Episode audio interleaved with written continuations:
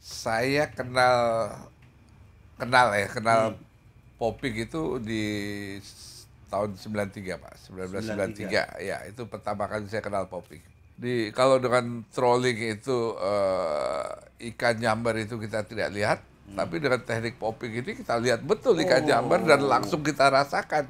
Ya, ya, ya. Jadi Nah, di situ mulai saya mulai itu mulai jatuh cinta pada teknik racunnya ini. mulai masuk Nah, ya. nah, Teknik begini apa mau nggak disambarikan? Ada ada gitu-gitunya nggak waktu itu? sangat Apa popping itu juga ada timing-timingnya ikan makan? ada, Pak.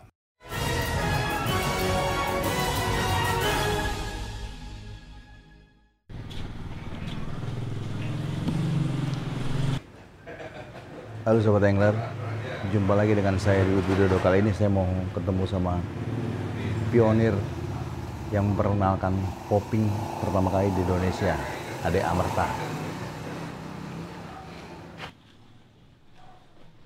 Assalamualaikum.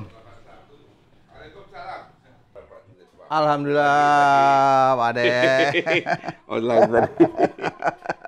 Lama nggak ketemu ya? Hah? Udah lama sekali ya ketemu. Ade Amerta ini. Sekarang masih bikin-bikin popper juga? Masih, masih. Hmm. Buat senang-senang. Seneng ya? Ada tua, ada tua.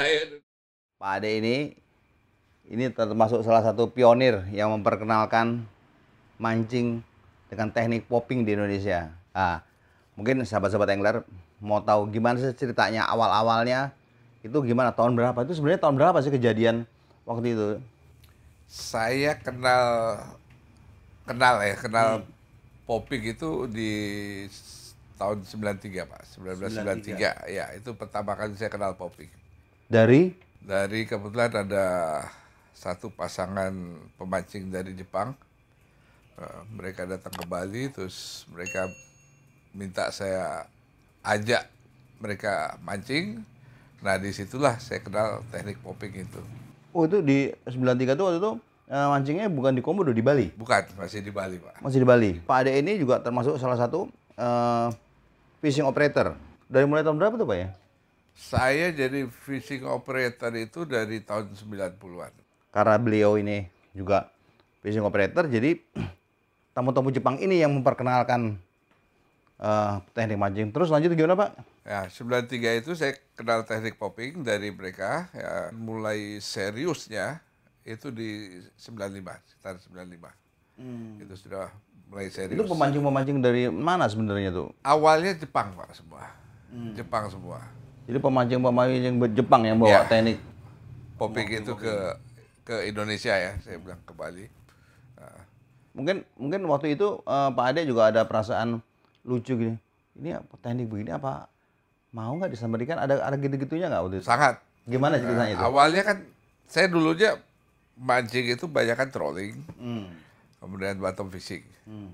itu kalau yang namanya popping saya baru kali itu juga saya tahu agak ragu saya apa ada ikan bakal nyamber beginian gitu karena ya latar belakang kita dari trolling gitu Iya Pak. iya.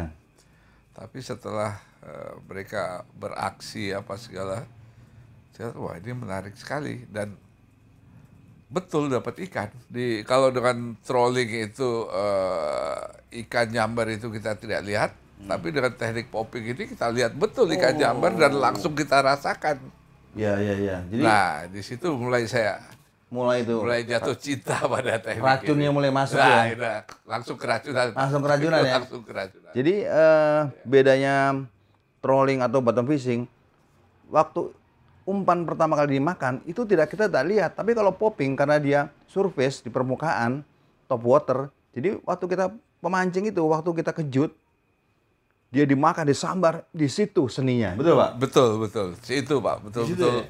Uh, adre- adrenalin itu naik, Pak. Langsung naik dia ya. Langsung bam. Karena waktu ditubruk pertama kali, dah, itu yang luar biasa. Bahwa setelah itu kita tarik, orang mau melanjutkan silahkan Oh, ya. silakan, Pak. Silakan, yang penting pertama Yang penting kali. pertama disikat sampai kita hooking gitu, Pak. Itu itu yang luar biasa. Hmm. Excited ya, luar biasa. Kalau menurut eh, Pak Ade itu, jadi eh, teknik popping itu mulai dia eh, menyeluruh ke seluruh Indonesia dikenal itu dari 93 tahun berapa, tahun eh, dia mulai tersebar orang-orang semua udah menggunakan teknik popping. cukup lama ya Pak.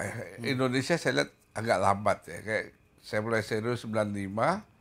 Di Indonesia sendiri mulai bet- mulai dikenal betul, mulai ada yang mulai ikut itu start awal 2000-an. Oh 2000 ya? Ya, 2000 mulai ada yang ikut. Itu pun satu dua dan eh, terus terang aja kebanyakan pemancing kita dulu ya saya bilang dulu itu manja pak. Ya mungkin juga kita terbiasa trolling ya biasa. Pertama takut capek, kedua takut panas. Dan kalau trolling kan kita nggak nggak perlu berpanas nih ya pak, bisa nunggu. ya. Kalau udah ikan makan baru kita fight. Nah, setelah saya kenal teknik popping ini, saya jatuh cinta.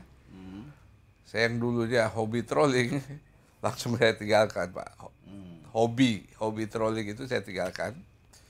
Tapi kalau untuk eh, bisnis tetap saya jalankan. Oh. Nah, untuk hobi, hobi saya tinggalkan di trolling. Gitu. Jadi eh, sebenarnya apa namanya olahraga mancing sport fishing di Indonesia itu setelah generasi popping masuk baru itu Baru itu berkembang. baru kembang sport fishing di Indonesia mulai berkembang ya. Betul, betul. Jadi eh, olahraga mancing di Indonesia itu sebenarnya awalnya eh, setelah teknik popping, jigging, casting itu mulai semarak di Indonesia itu dari situlah mulai teknik eh, sport fishing mulai menjadi budaya mancing di Indonesia. Karena apa? Orang tuh kadang-kadang ya kalau popping itu dapat atau nggak dapat nggak ada masalah dari pagi sampai sore lempar Betul. aja pak ya lempar. sekali. Karena itu sebenarnya olahraga dia untuk membuat splash saja dia itu udah senang dia. Ah, ini biasanya ini yang waktu awal-awal awal-awal dulu semua. ini. Awal-awal kebanyakan cager. Nah, jadi waktu awal-awal awal-awal popping eh, di Indonesia semua itu hampir cager ya ada ada space ini. Tapi berkembang berkembang berikutnya mulai eh, mulai ada stick bait stick stick Ya. bait kayak gini pak ya. Kalau yang ini hanya banyak Hanya banyak action. banyak action dan ah, hanya actionnya aja, tapi splashing dia kurang. ya dan eh, lebih tidak menguras tenaga pak ya. Betul, betul Pak.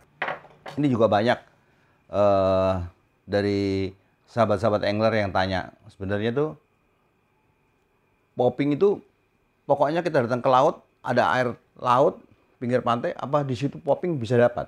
Ini menurut saya prinsip kita mancing. Eh, kita tentukan dulu kita mau cari apa gitu.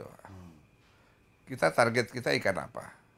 Setelah kita tahu target kita apa, kita mesti tahu juga eh, kebiasaan dia seperti apa. Nah, seperti misal, misalnya kita ambil contoh tuna. Tuna, yellowfin tuna katakanlah, itu kalau kita jadikan dia target, kita mesti tahu dia tuh kebiasaannya apa. Kayak yellowfin tuna itu selalu migrate ya, berimigrasi. Jadi untuk cari tuna kita mesti tahu jalur dia di mana, season dia kapan. Nah, baru di situ kita tentukan lokasinya di mana. Dan tuna bisa di popping. Oh. Ya. Kemudian kalau misalnya target kita GT, kita mesti tahu karakter dia seperti apa. Dia habitat yang dia ini seperti apa. Nah, kalau GT itu lebih suka di tubiran atau pertemuan arus. Mungkin bisa dijelus, Atau dijelaskan karang, juga. gitu. Tubiran tuh yang dimaksud tubiran Nah, tuh pada itu gimana? Semacam dinding, drop off gitu, Pak. Nah, itu tuna itu, eh kok tuna, maaf. GT suka sekali patroli di sekitar situ. Apalagi kalau di sudut-sudut Tanjung, wah itu dia suka sekali di mana sering ada arus kencang. Kencang itu mereka suka sekali di situ. Kalau baru bilang tubiran sama batu mandi itu hampir sama atau Beda. Ya? Kalau batu mandi itu itu adalah batu yang menonjol, bisa dia muncul, bisa juga dia di bawah permukaan air. Dan sekelilingnya dia itu dalam, biasanya dalam. Gitu. Bisa juga di reef dangkal, tapi Ya. sekelilingnya dalam. Itu di reef itu ada chance buat itu juga. Iya iya. Jadi eh, ada reef-reef karang-karang dangkal, tapi di sekelilingnya mungkin jarak itu ada drop off-nya karena waktu air pasang itu sebenarnya GT itu dia yang dari air dalam dia naik ke atas, dia mencari ikan-ikan yang terdampar atau yang terkepung di eh, karang-karang dangkal. Di tubiran pun juga gitu. Jadi kalau waktu dia ada ombak mendebur kena dinding dinding itu juga dia nunggu ikan-ikan yang terpental yang kena ombak kepukul ke tembok nah itu yang dia dia tubruk juga tapi kira-kira begitu pak Ya kurang lebih ya begitu. Kurang lebih. Atau Tapi dia anunya- terhanyut oleh arus. Oh. Gitu. Itu JIT itu suka sekali di mana ada arus-arus kencang. Mereka biasanya menunggu juga di samping-samping arus. hmm, Bukan di dalam arus, tapi di samping arus. Mereka menunggu ikan-ikan kecil itu terhanyut. oh yang Nah, hanyut terhanyut, kemudian mereka sambar, baru Hmm. mereka masuk ke arus untuk jambar itu. oh jadi dia nunggu bukan di Nunggu- arusnya ya? Bukan di arus ya, lebih sering di sampingnya, Hmm. samping-sampingnya. Eh. Iya, iya, iya, iya. Ya. Nah, waktu dia ngejar umpan itulah dia bisa masuk ke arus. Hmm, jadi jadi tidak di semua tempat misalkan wah saya ini di laut pinggir laut lempar-lempar Enggak juga, Pak. enggak ya? Enggak, enggak. Jadi dalam prinsipnya dalam hal mancing itu kita mesti tahu betul target kita apa. Nah, dari eh, penentuan target itu kemudian kita tentukan lokasinya di daerah ini di bagian mananya kira-kira potensi gitu. Terus gini, eh antara jigging sama popping. Kalau jigging itu kan kita harus eh tahu karang di bawah, ada dia drop off, ada dia mungkin ada Simon Reef segala macam. Tapi kalau popping kan tuh sebenarnya kasat mata kita bisa menentukan tempat, Pak ya. Sebenarnya cukup mudah. Di mana kita lihat ada tebing-tebing atau tubiran. Itu ada eh, daerah yang punya potensi. Kemudian di ujung-ujung Tanjung. Atau ujung-ujung Tanjung. Ujung Tanjung itu punya daerah potensi. Yang penting eh, daerah itu daerah berkarang. Hmm. Eh, bukan daerah berpasir. Oh, harus berkarang Ya, ya, bukan daerah berpasir ya? berkarang, berkarang gitu. Nah, itu itu atau kita lihat ada semacam simaun.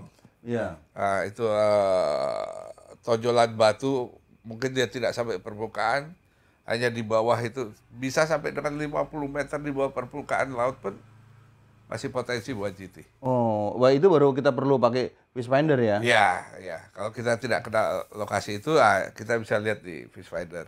Hmm. Ya. Oke, oke. Bahkan di kalau di Jepang mereka bisa mancing itu di bawah 60-70 meter, Pak.